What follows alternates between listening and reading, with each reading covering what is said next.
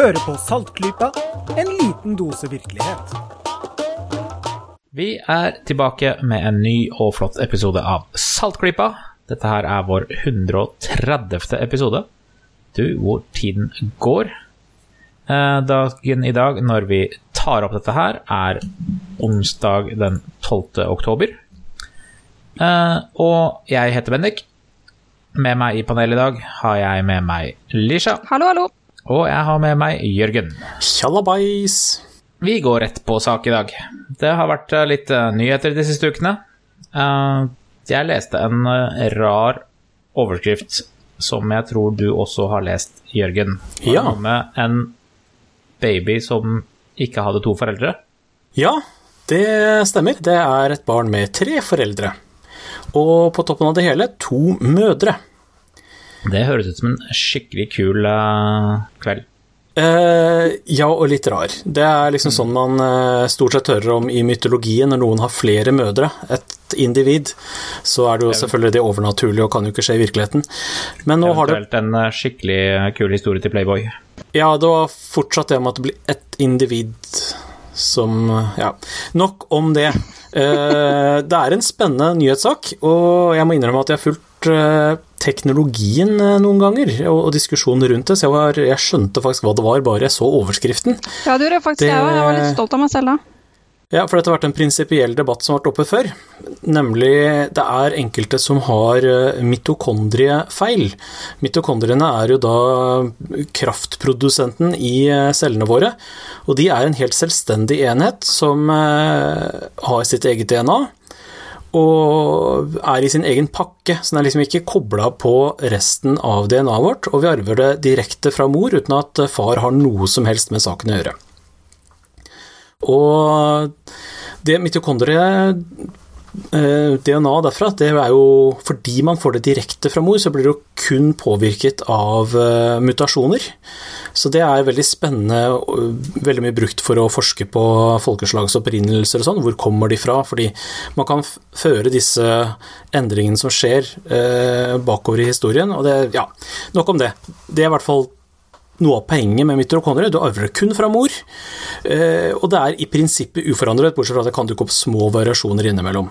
Og noen av de variasjonene kan lede til at avkommet ikke fungerer helt. Eh, Kraftpakkene fungerer ikke som de skal. Cellene sliter med å få nok eh, næring og energi. Og det kan være dødelig, det kan bety veldig mye sykdom og vanskeligheter for barnet osv.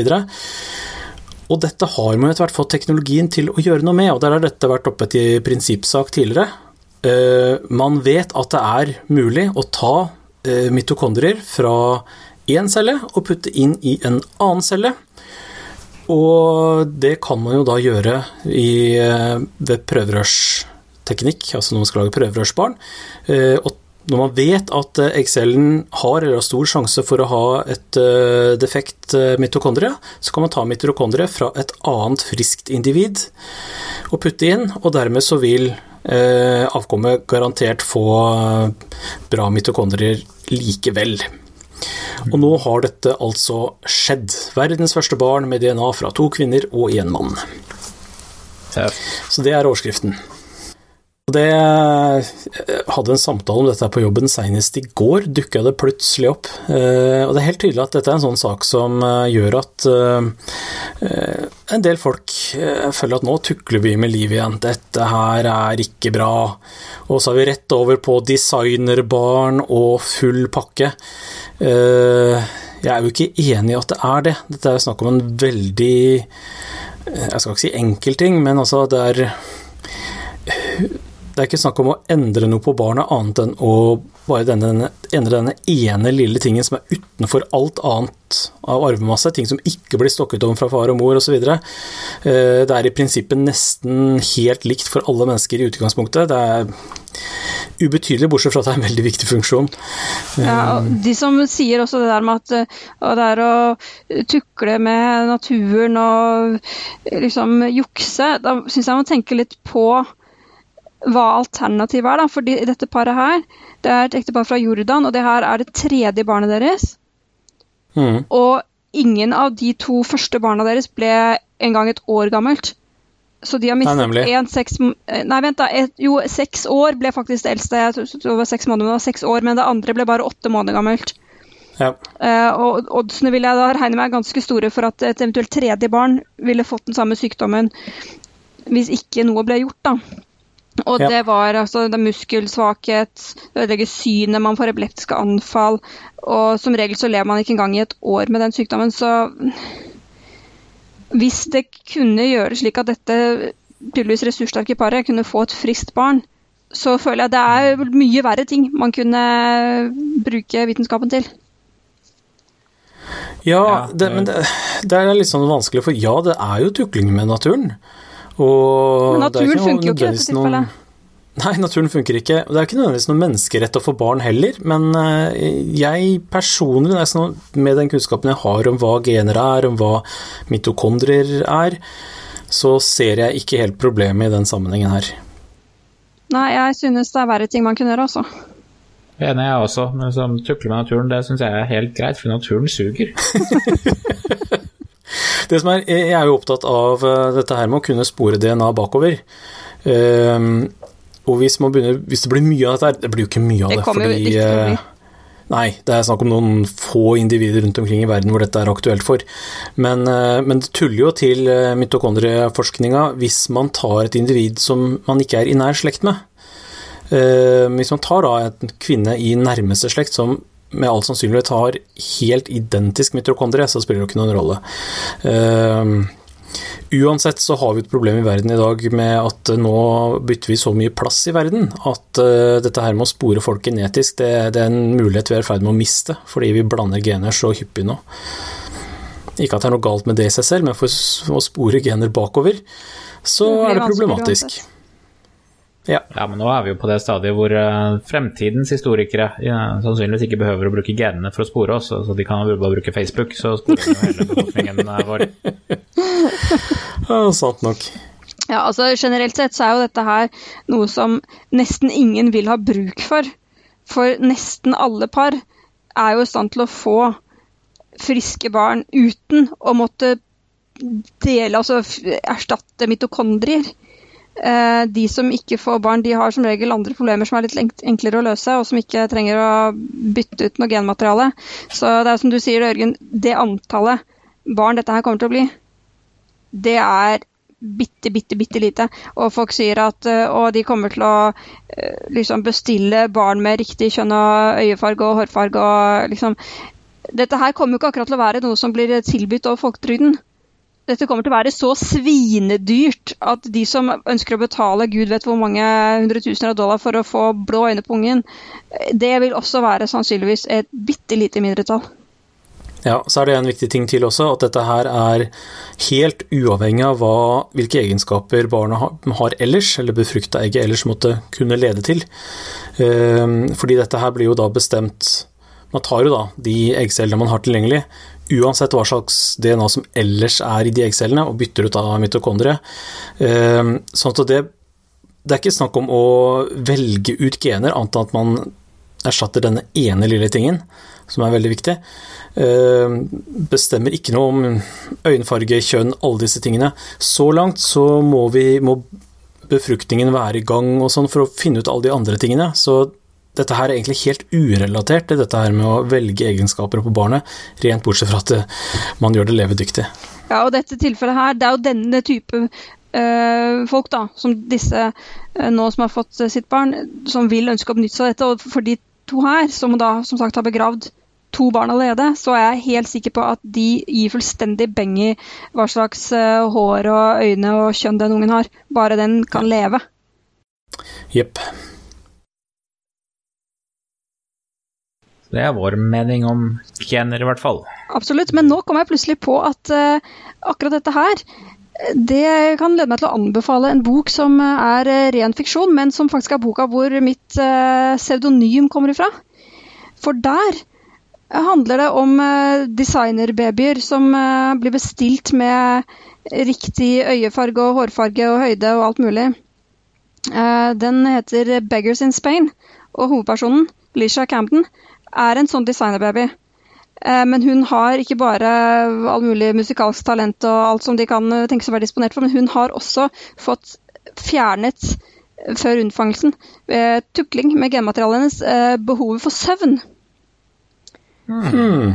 Det har hun og noen få andre personer, for dette kostet jo det hvite ut av øyet.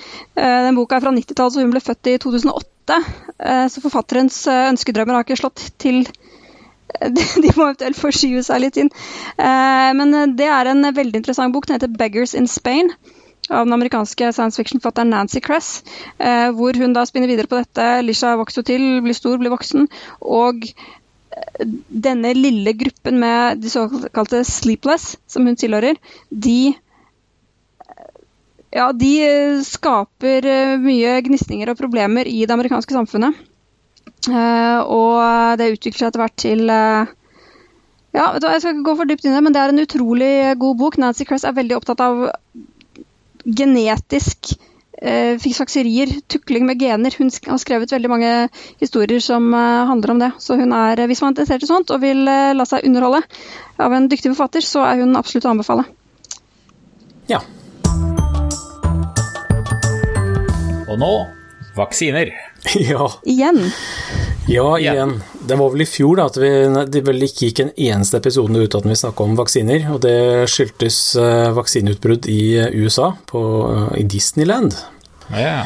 Um, og nå har jo det, det var jo stort oppstuss, så jeg skal ikke gå tilbake på alt det der. Men den store nyheten nå er at nå regnes meslinger som eliminert fra hele Amerika.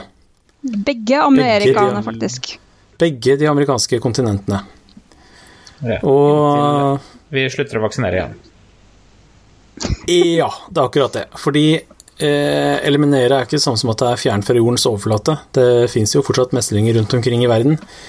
Så det kommer jo enkelttilfeller av smitte, men så lenge det ikke sprer seg og det dør ut, så regner man fortsatt meslinger som eh, eliminert. Så Det finnes ikke lenger på Eh, det søramerikanske eller nordamerikanske kontinentet, men det kan jo bli brakt, brakt dit av ja. reisende. Ja, men fortsatt reise som eliminert ja. så lenge uh, Det ikke etablerer seg på nytt. Nemlig.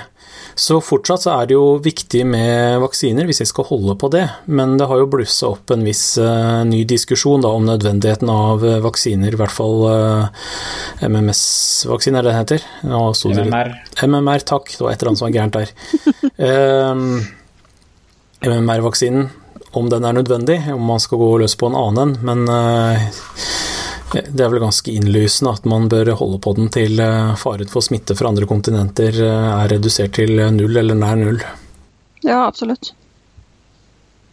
Ja, jeg får bare håpe at uh, folk som uh, Jenny McCarthy ikke kommer og ødelegger dette her igjen. Ja, det er i hvert fall veldig gode nyheter, da. Ja, absolutt. Det er fremskritt. Det var ikke akkurat uh, sånn verden ble oppfatta på sommeren i fjor. Nei. Nei, det kan man ikke si. Da trodde vi jo at uh, vi alle skulle dø av meslinger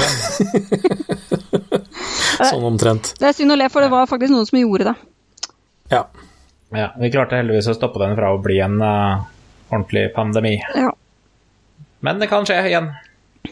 Jepp. Ja, man vet aldri. Og nå mer vaksineprat. Ja, jeg har lest uh, en annen bok også. Kom, har du lest en bok, Lisha? Ja, jeg trodde du, du aldri leste bøker. Det er derfor det er en nyhet, da. Uh, jeg har lest en bok som ikke kom i fjor sommer, men uh, som, den kom i denne sommeren. Men den var nok sikkert inspirert av alt pratet i fjor sommer. alt du må vite om vaksiner av Tone Fredsvik Gregers, som kom på Humanist forlag i juli eller noe sånt nå, har jeg lest nå, da. Det, det, tok ikke så lang tid. Det tok bare noen få måneder. Eh, og det er en bok som handler om ja, alt du må vite om vaksiner. Som er veldig sånn Det er feil å si basic, for hun er jo eh, Nå husker jeg plutselig ikke helt hva hun er, men hun er da en eh, fagperson, da. Eh, skal vi se eh, Om ikke hun er lege, kanskje. Eh, førstelektor ved Institutt for biovitenskap er hun. Så ok, hun er eh, biolog, da. Uh, så boka er jo veldig faglig sterk. Men den er skrevet med et enkelt språk. Den er skrevet for folk som ikke egentlig vet noe om dette. Ikke har noe bakgrunn mm. i um, uh, ja, biologi, da, som eksempel. Uh, eller medisin, eller noe som helst. Så den handler rett og slett om hva vaksiner er. Hvor de kommer fra, mm. altså historien deres fra helt uh, fra antikken og frem til i dag. Uh, hvordan man lager vaksiner. Og så går hun gjennom alle sykdommer som vi vaksinerer mot i Norge i dag. Og forklarer hvilke vaksiner som gis. Uh, hvordan de er produsert, hva slags type vaksiner de er, som allerede har forklart om de forskjellige typene som finnes. Da, og da får man vite hvilke typer vaksiner de som gis her, og litt om historikken til akkurat de, og når de gis, da, så hvor gamle man er når man får dem og alt det her. Uh, og helt frem til og med den nye mm, HPV-vaksinen, er det det det heter? Mm, så den er veldig veldig oppdatert. Og det er en ordliste også som forklarer en del av disse. For hun bruker et Enkeltspråk er feil, men et litt sånn letttilgjengelig språk. Men selvfølgelig så er det en del ord som er litt kompliserte, og da har hun en hendig ordliste bak i boka. Så du kan slå opp og få vite hva adesiner og B-celler og eosinofile granulocytter eh, for eksempel er. Så for oss som ikke har det i hodet, da, sånn eh, til vanlig. Det ordet syns jeg vi skal prøve å få på folkemunne. ja, det er bare å sette i gang. Um, og hun skriver også litt om den si, mest berømte bivirkninger, sånn som dette med uh, det som kom etter pandemrix og sånt nå. Så tilsynelatende narkolepsitilfeller. Uh, og snakker om liksom hva Om de tingene som mange opplever som ja, faremomenter, da, eller hva man skal si, ved vaksiner. Uh, og forklare hvorfor det ikke er så farlig som det kan virke. Da. Eh, og jeg syns det var veldig, etter forholdene, lettlest bok. Veldig interessant. Og helt sikkert en bok som er veldig Hvis du har noen i familien, slekta, i vennekretsen som er vaksineskeptiker fordi de ikke forstår helt hva det er snakk om, så tror jeg det er en kjempegod bok å gi til dem. For å la dem få se at det er ikke så farlig som de tror. Mm. Og det er, det er altså Selvfølgelig er det veldig komplisert, men det er ikke så komplisert at ikke vanlige folk, altså ikke fagfolk, uh, også kan forstå det. Ikke i alle detaljer, men absolutt hvordan det fungerer. Jeg syns det var en veldig lesverdig bok. Og hun forklarer veldig, ja, hun har et kapittel her, 'Medaljens bakside'. Uh, hvor hun ser nærmere på noen negative konsekvenser som kan oppstå med vaksiner. Og det er typisk noe som jeg tror veldig mange såkalte skeptikere, vaksineskeptikere, uh, både her i land og andre land, burde lese. For her forklarer hun på en veldig god måte egentlig alt jeg kan tenke meg. som folk kan være ja, Jeg føles litt slemt å bruke ordet skeptisk her, da, men ja, folk er jo skeptikere. Jeg syns det er det var en veldig god bok. Og kan tenke meg eh, mange som kunne godt ha behov for å finne den her under juletreet, f.eks. Hun forklarer det norske vaksineprogrammet, det er jo fokus på Norge, Forklare vaksineprogrammet vårt på en veldig god måte. Og også ikke minst med hva resultatet har vært av eh, vaksineprogram både her i Norge, men også rundt om i verden. Altså av hvor hvor utrolig mye eh, sykdommer har kommet på tilbakegang eh, pga ja, den er egentlig helt fantastisk, oppfinnelsen. Så er det også litt bilder, ganske morsomme bilder fra når f.eks. man begynte å vaksinere. da, på liksom, Ser en helsesøster på 50-tallet som gir den første vaksinen, poliovaksinen eller hva det er, i Norge. Det er ganske underholdende bilder. Det er ikke mer enn 60 år siden, men allikevel så ser ikke helsesøster ut sånn lenger. For å si sånn. Så jeg syns det var en underholdende bok. Eh, godt skrevet og lettlest. Så den her kan vi virkelig anbefale. Har du, noen, uh... har du noen i slekta som trenger litt uh, innspill her, kanskje særlig noen som har uh, ansvar for barn, så kan det her være et hett julegavetips. Jeg tenker særlig at det er basert på norske forhold er litt viktig, fordi mange av de som er kritiske til vaksiner, sitter på informasjon fra USA. Ja. Og den informasjonen er gjerne gæren i utgangspunktet, den også, men det er greit å få, få det litt mer nært og ned på jorda og til forhold du kjenner.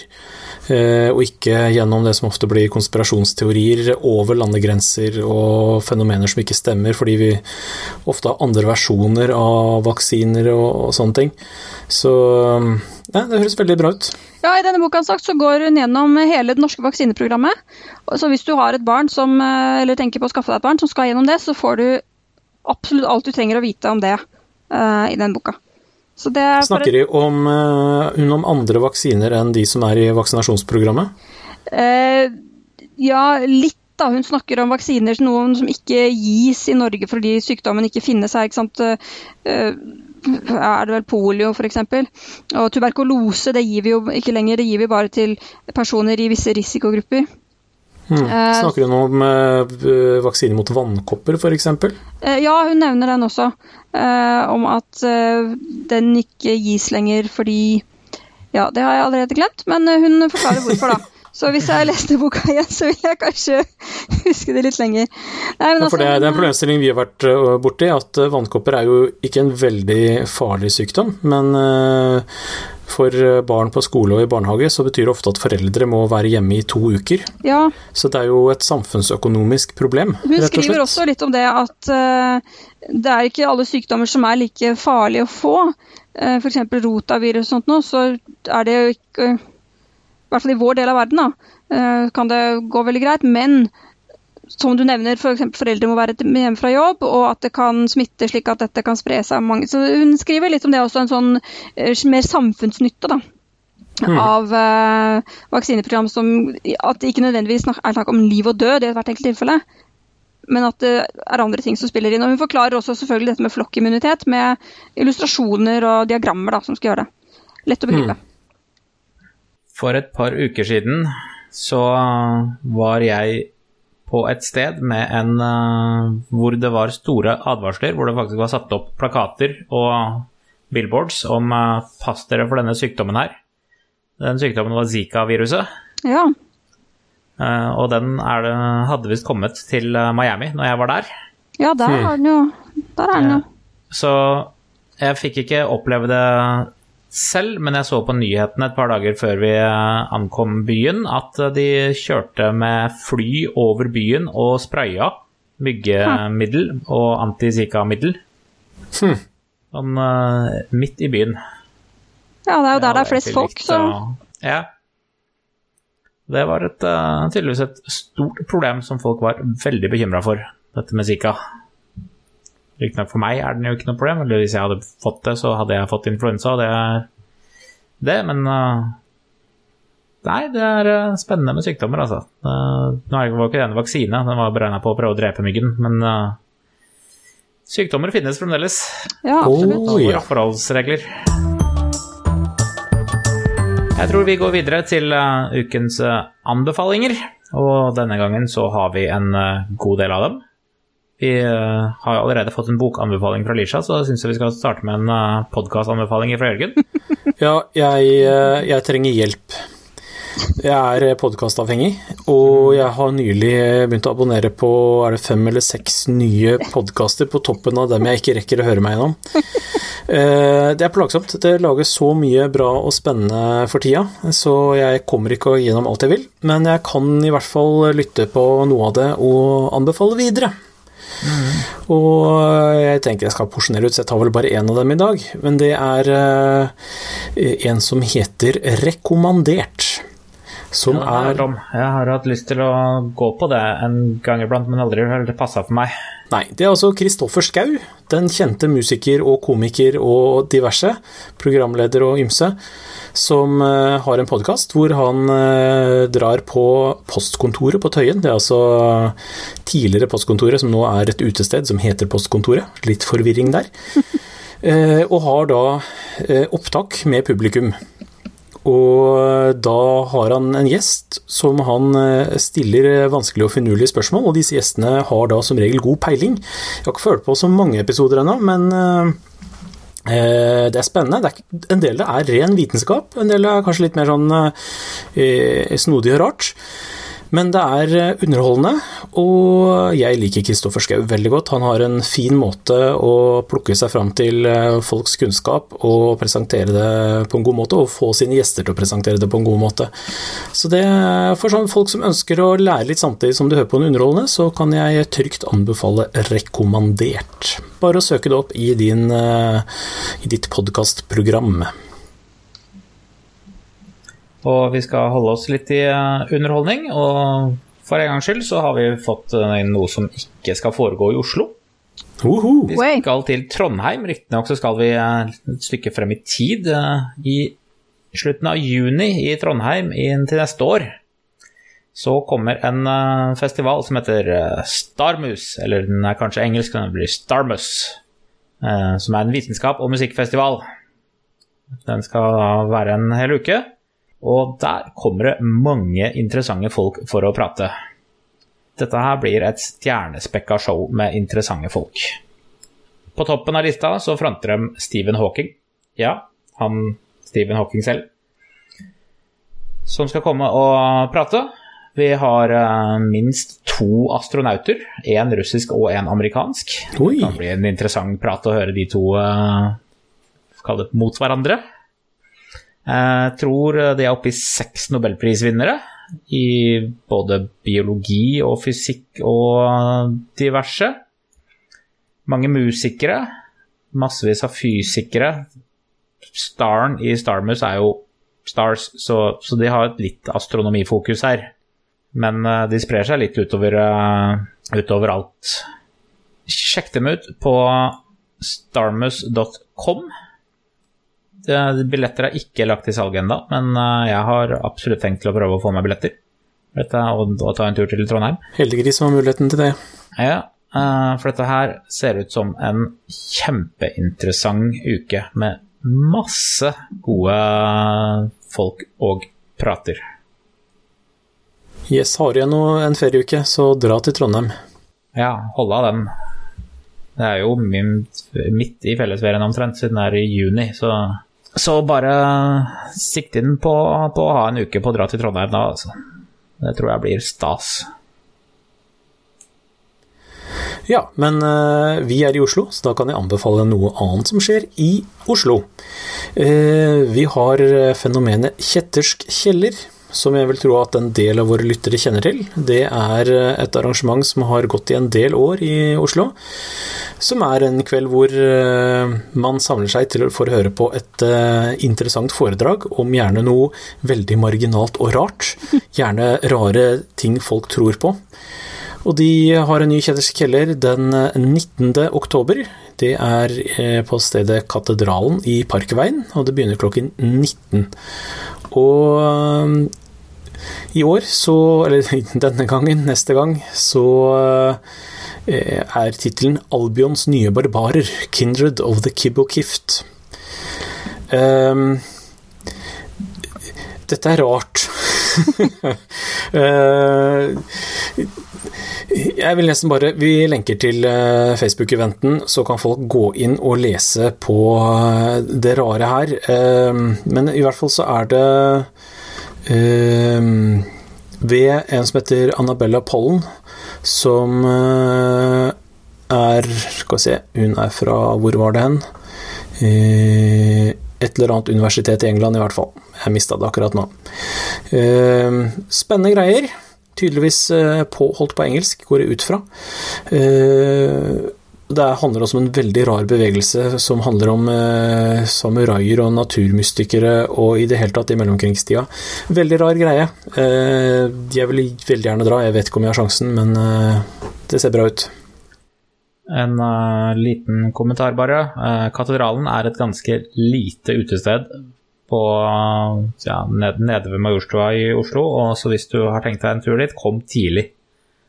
Det er ganske dårlig plass der. Det var sikkert en god anbefaling. Absolutt. Kan jeg bare skyte inn her også at vi vil Vi anbefaler mye som foregår i Oslo. Men vi vil veldig gjerne anbefale andre hendelser også resten av landet. Så hvis du vet om noe, hvis det er noe som skjer i din by, hvis du arrangerer noe f.eks. type skeptikere på puben eller noe sånt, da, så send oss en mail om det, eller en melding på Twitter eller uh, poste på Facebook eller hva som helst. Så vil vi veldig gjerne nevne det her og anbefale det så flest mulig får vite om det. Ja. Jeg har tenkt å bare skyte inn en uh, siste anbefaling på tampen også. Den foregår selvsagt også i Oslo. Uh, den nye boken til Gunnar Tjomlid kommer ut nå om et par uker. Ja. Det, er. Det skal være boklansering. Torsdag 27. oktober klokken fem på Tronsmo bokhandel. Da er det nye lokalet til Tronsmo, tenker jeg. Ja, det gamle har de ikke lenger, så det må det nok bli. Ja. Eh, Da skal det boklansering for den eh, nye boken 'Håndbok i krisemaksimering'. Hvor eh, Gunnar tar for seg mange overskrifter og samfunnsting som vi har hatt i den siste tiden. Er gatene tryggere nå enn de har vært, eller er de utrygge nå? Sånn, er eh, folkehelse dårligere? Finnes det muslimske voldtektsmenn bak hver eneste hjørne?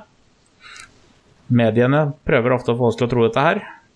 Virkeligheten er ikke nødvendigvis alltid like enkel. Gunnar tar for seg alt disse temaene her og prøver å lære oss hvordan å se gjennom bullshitten til veldig mange medier iblant. Vi eh, gleder oss til den boka. Og for eventuelle nye lyttere av Saltklypa kan vi informere om at Gunnar Tjomli er, eh, var tidligere en av panelantene på denne vakre podkast. Han var en av grunnleggerne, faktisk. Ja. Sånn, det var alt hva vi eh, hadde for denne uken.